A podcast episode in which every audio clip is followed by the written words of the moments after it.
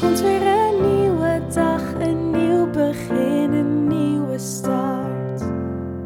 Je wordt vanzelf verrast. Dus lach niet, heb het leven lief. Ook al heb je zorgen, pak het met beide handen vast. Dit is de Alles is Liefde.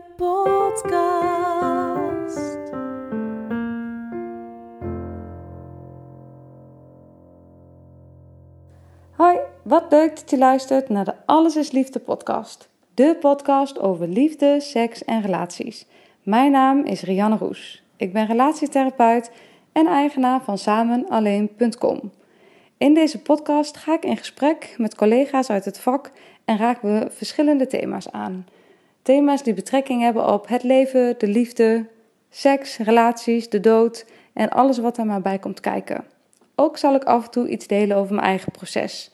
Ik wens jullie heel veel luisterplezier, veel inspiratie en ik wil jullie bij deze alvast bedanken voor het luisteren en hopelijk tot een volgende keer. Dit is de Alles is Liefde podcast.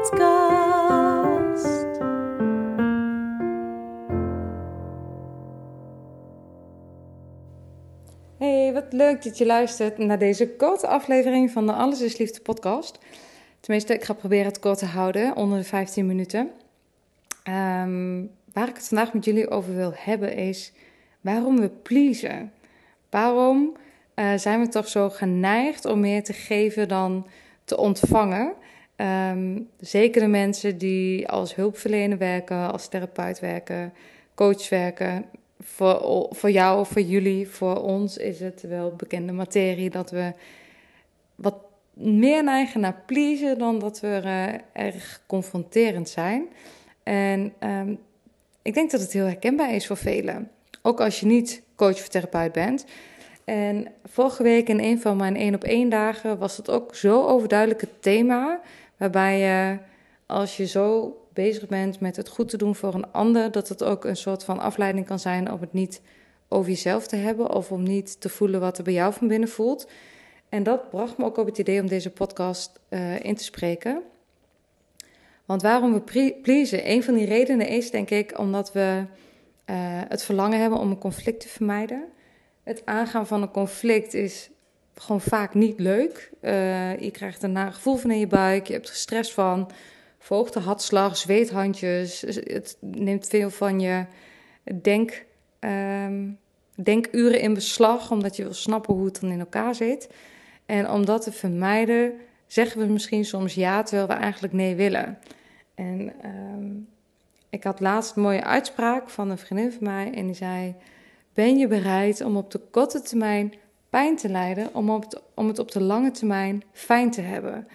En dat is denk ik precies wat hiermee aan de hand is. Want als je wel het conflict aan zou gaan, dan zou je kunnen gaan staan voor iets wat voor jou belangrijk is. Of kan je trouw blijven aan wat jouw eigen gevoel je ingeeft.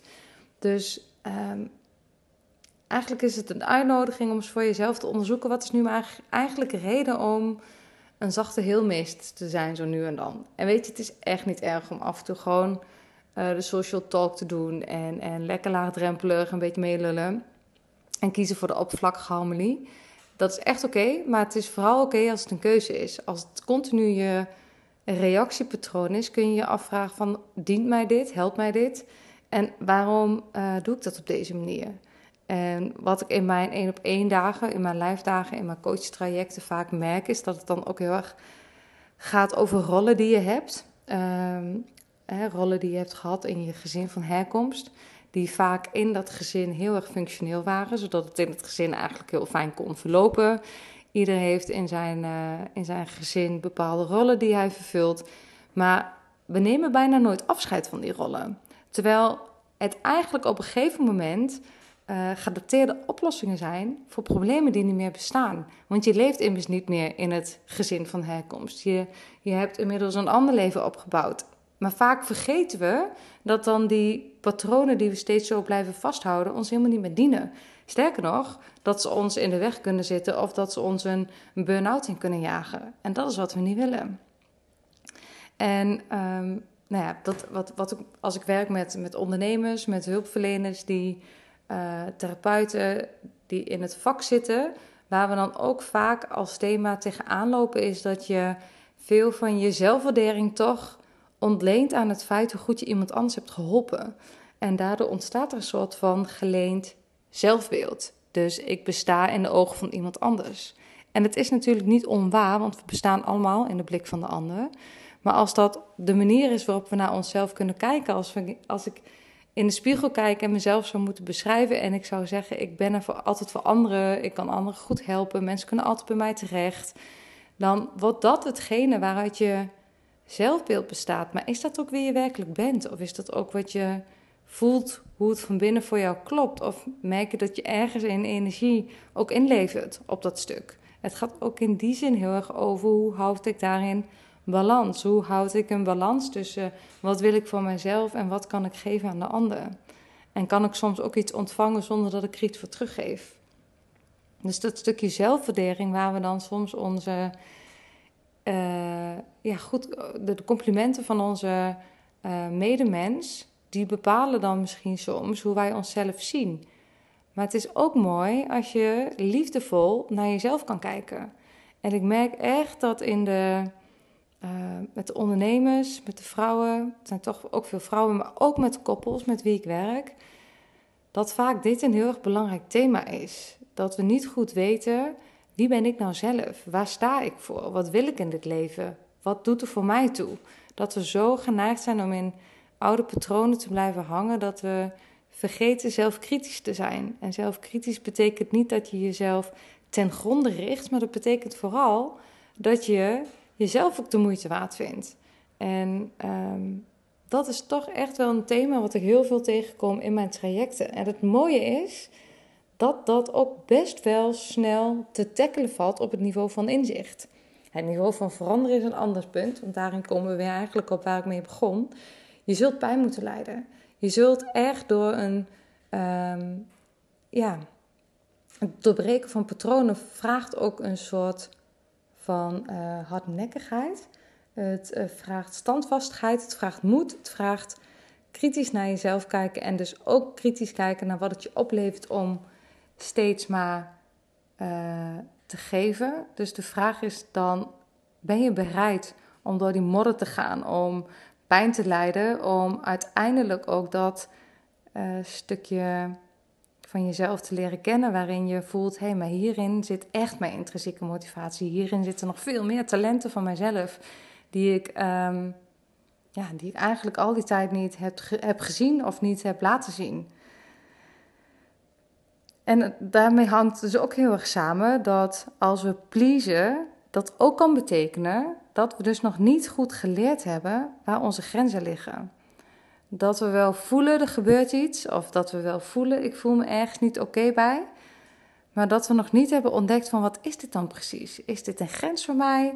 Is dit iets wat ik gewoon wel, uh, ja, wat ik gewoon gewend ben om, om dat zo te doen? We zijn soms helemaal niet bezig met wat we voelen. We zijn al snel bezig met, oh, dat is lastig of irritant. Of ik herken het ook zelf. Dat ik denk, ja, Joe, daar heb ik nu echt geen zin in. In dat ge, gedoe, laat me maar. En ik zeg wel ja en amen en dan zijn we er klaar mee. Maar zo werkt het natuurlijk niet. Want het komt altijd als een boemerang naar je terug. Het patroon uh, of het deel van jou wat onzichtbaar is, wil op een gegeven moment ook gewoon zichtbaar worden. Dus je zult steeds meer merken dat je leegloopt op dat mechanisme van uh, ik ben er steeds voor iemand anders. Ik ga maar pleasen.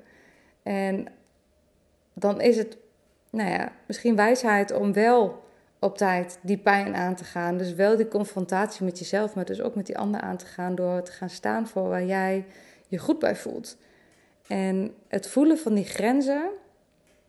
We zijn soms al zo vast in dat ritme van uh, pleasen, van hard werken, doorgaan en maar gas geven. Dat we niet tijd nemen om stil te staan bij dat mm, gevoel wat je soms kan hebben. Um, en dat is eigenlijk het allerbelangrijkste gevoel om wel bij stil te staan. Want daar, dat is een gevoel van je grens. Dat is een gevoel van, hé, hey, het schuurt hier. Uh, het gaat over iets uh, heen wat voor mij goed voelt. Maar we zijn zo snel gewend om te denken: ach, stel je niet zo aan. Ach, wat stelt het nou voor? Wat maakt het nou uit? Uh, het is vast niet zo bedoeld. Nou, al dat soort zinnen die iedereen wel eens tegen zichzelf zegt om maar niet de confrontatie aan te hoeven gaan. Of die ander ziet het misschien anders. Nou ja, zo kan ik uh, honderdduizend dingen noemen. Um, die ons dan niet gaan helpen. Het aanvoelen van je grenzen, als je voelt dat er kleine urtjes zijn, van dat gevoel dat je denkt, maar waar je heel erg geneigd bent aan voorbij te gaan, doe het dus niet. Stop daar eens mee, want als je daarmee doorgaat, en dat is niet om je bang te maken, maar het is nou eenmaal zo dat als je heel lang in dat mechanisme blijft zitten, terwijl je al best wel vaak signalen van je lijf hebt gekregen dat het niet meer oké is, dan pleeg je roofbouw op jezelf. En we weten allemaal wat er gebeurt als je continu roofbouw pleegt op jezelf. Dan gaat het ergens, knapt het, ergens knakt het en kan je niet meer volhouden wat je altijd hebt geprobeerd. Die bal die je onder water probeert te houden, die komt een keer omhoog poppen. En hoe sneller je erbij bent, hoe meer uh, energie en daadkracht je ook over hebt om dit patroon te doorbreken. Want dat is ook nog eens zo. Je zult dus moeten gaan verdragen dat je soms mensen kwetst. Dus je zult moeten gaan verdragen dat mensen niet snappen waarom een grens jouw grens is. En die is ingewikkeld, want we willen als pleasende mensen toch wel graag aardig gevonden worden. Dus als je al helemaal bij wijze van opgebrand bent en ook nog het patroon moet doorbreken, heb je een pittige, pittige kluif. En het is niet onmogelijk, zeker niet. Um, ik zie het hier vaak genoeg, mensen die echt zijn afgebroken en opnieuw moeten uh, ja, dat voor zichzelf moeten leren zorgen op, op sociaal-emotioneel vlak. Dat kan wel, maar ik hoop dat je gewoon door het luisteren van deze podcast dit deel van jouzelf alles serieus gaat nemen.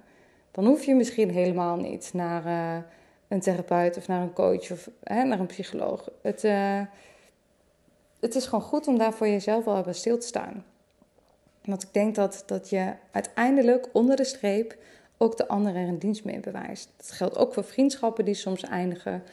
Hoe lang doormodderen met een vriend of vriendin die eigenlijk al lang niet meer voelt als een goede vriend of vriendin. Maar je blijft maar met elkaar afspreken omdat jullie of allebei of een van jullie beiden uh, niet de guts heeft om het aan te gaan, om het gesprek te voeren. Wat ook pijnlijk is.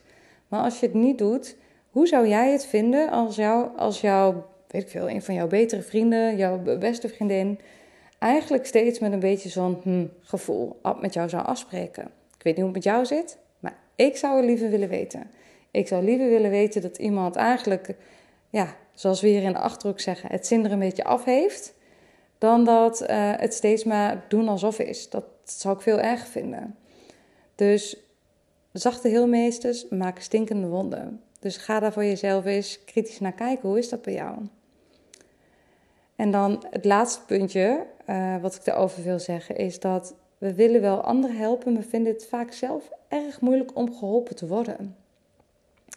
Nou ja, dit is eigenlijk wat ik net ook noem. We geven liever dan we nemen. Maar eigenlijk is het geven ook een vorm van nemen, omdat je uh, er inderdaad je zelfbeeld, je identiteit aan kan ontleden. Maar ook omdat je daarmee vermijdt dat het over jou gaat. En dat is eigenlijk zonde. Het mag ook over jou gaan. Maar het leren ontvangen daarin en het leren uh, geholpen te worden, nou ja, dat is vooral als je een pleaser bent vrij ingewikkeld.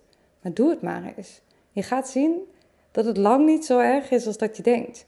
En als je denkt, ik heb daar hulp bij nodig, want het lukt me niet zelf, wees dan ook niet um, te schuw om in jezelf te investeren. Om daarin hulp te vragen om dat patroon te doorbreken. Om te kijken hoe ga ik nu meer voor mezelf staan? Hoe ga ik meer voelen wat mijn patroon me eigenlijk kost in plaats van alleen maar kijken naar wat het me oplevert. Als je merkt, ik loop steeds tegen hetzelfde gevoel aan, maar ik krijg het niet doorbroken. Trek dan aan de bel. Stuur mij een berichtje. Stuur iemand wie je vertrouwt een, een, een, een uh, verzoek om een intake. Het hoeft niet per se bij mij, dat, daar gaat het niet over. Maar um, het zou zoveel. Uh, ja, waarschijnlijk is het kort door de bocht, maar het zou zoveel burn-outs kunnen schelen. Als we wat eerder ons eigen gevoel, onze eigen grenzen serieus zouden nemen. Daar ben ik echt van overtuigd. Nou, het, uh, ik had beloofd niet langer dan een kwartier, dus ik ga stoppen. Ik moet een nieuw houtje over het vuur gooien. Ik zit hier uh, bij de open haat in, bij het theekoepel te werken. Ik moet mijn manuscript af hebben komende maandag voor de dichtbundel. Die hoogstwaarschijnlijk op 14 februari gaat verschijnen. En ja, dat is natuurlijk een prachtige dag om de, een dichtbundel over de liefde en over het leven te laten verschijnen. Dus daar ga ik heel erg hard mijn best voor doen. Maar uh, nou ja, eerst moest deze podcast even ingesproken worden, dus bij deze. Um, nou, mocht je geïnspireerd zijn geraakt door deze podcast, uh, ik zou het super leuk vinden om daarin iets van je terug te horen. Stuur me gerust een DM of een mailtje. Um, ik zou het ook heel leuk vinden als je dit een leuke podcast vond, dat je een review achterlaat in de iTunes-app. Hoe, hoe beter mijn podcast gevonden wordt, hoe meer mensen geïnspireerd kunnen raken rondom de thema's over het liefde, leven, de dood. Nou ja, alles wat het doet uh, in ons bestaan. Nou, ik wens je nog een hele fijne dag. Dankjewel voor het luisteren en tot de volgende keer.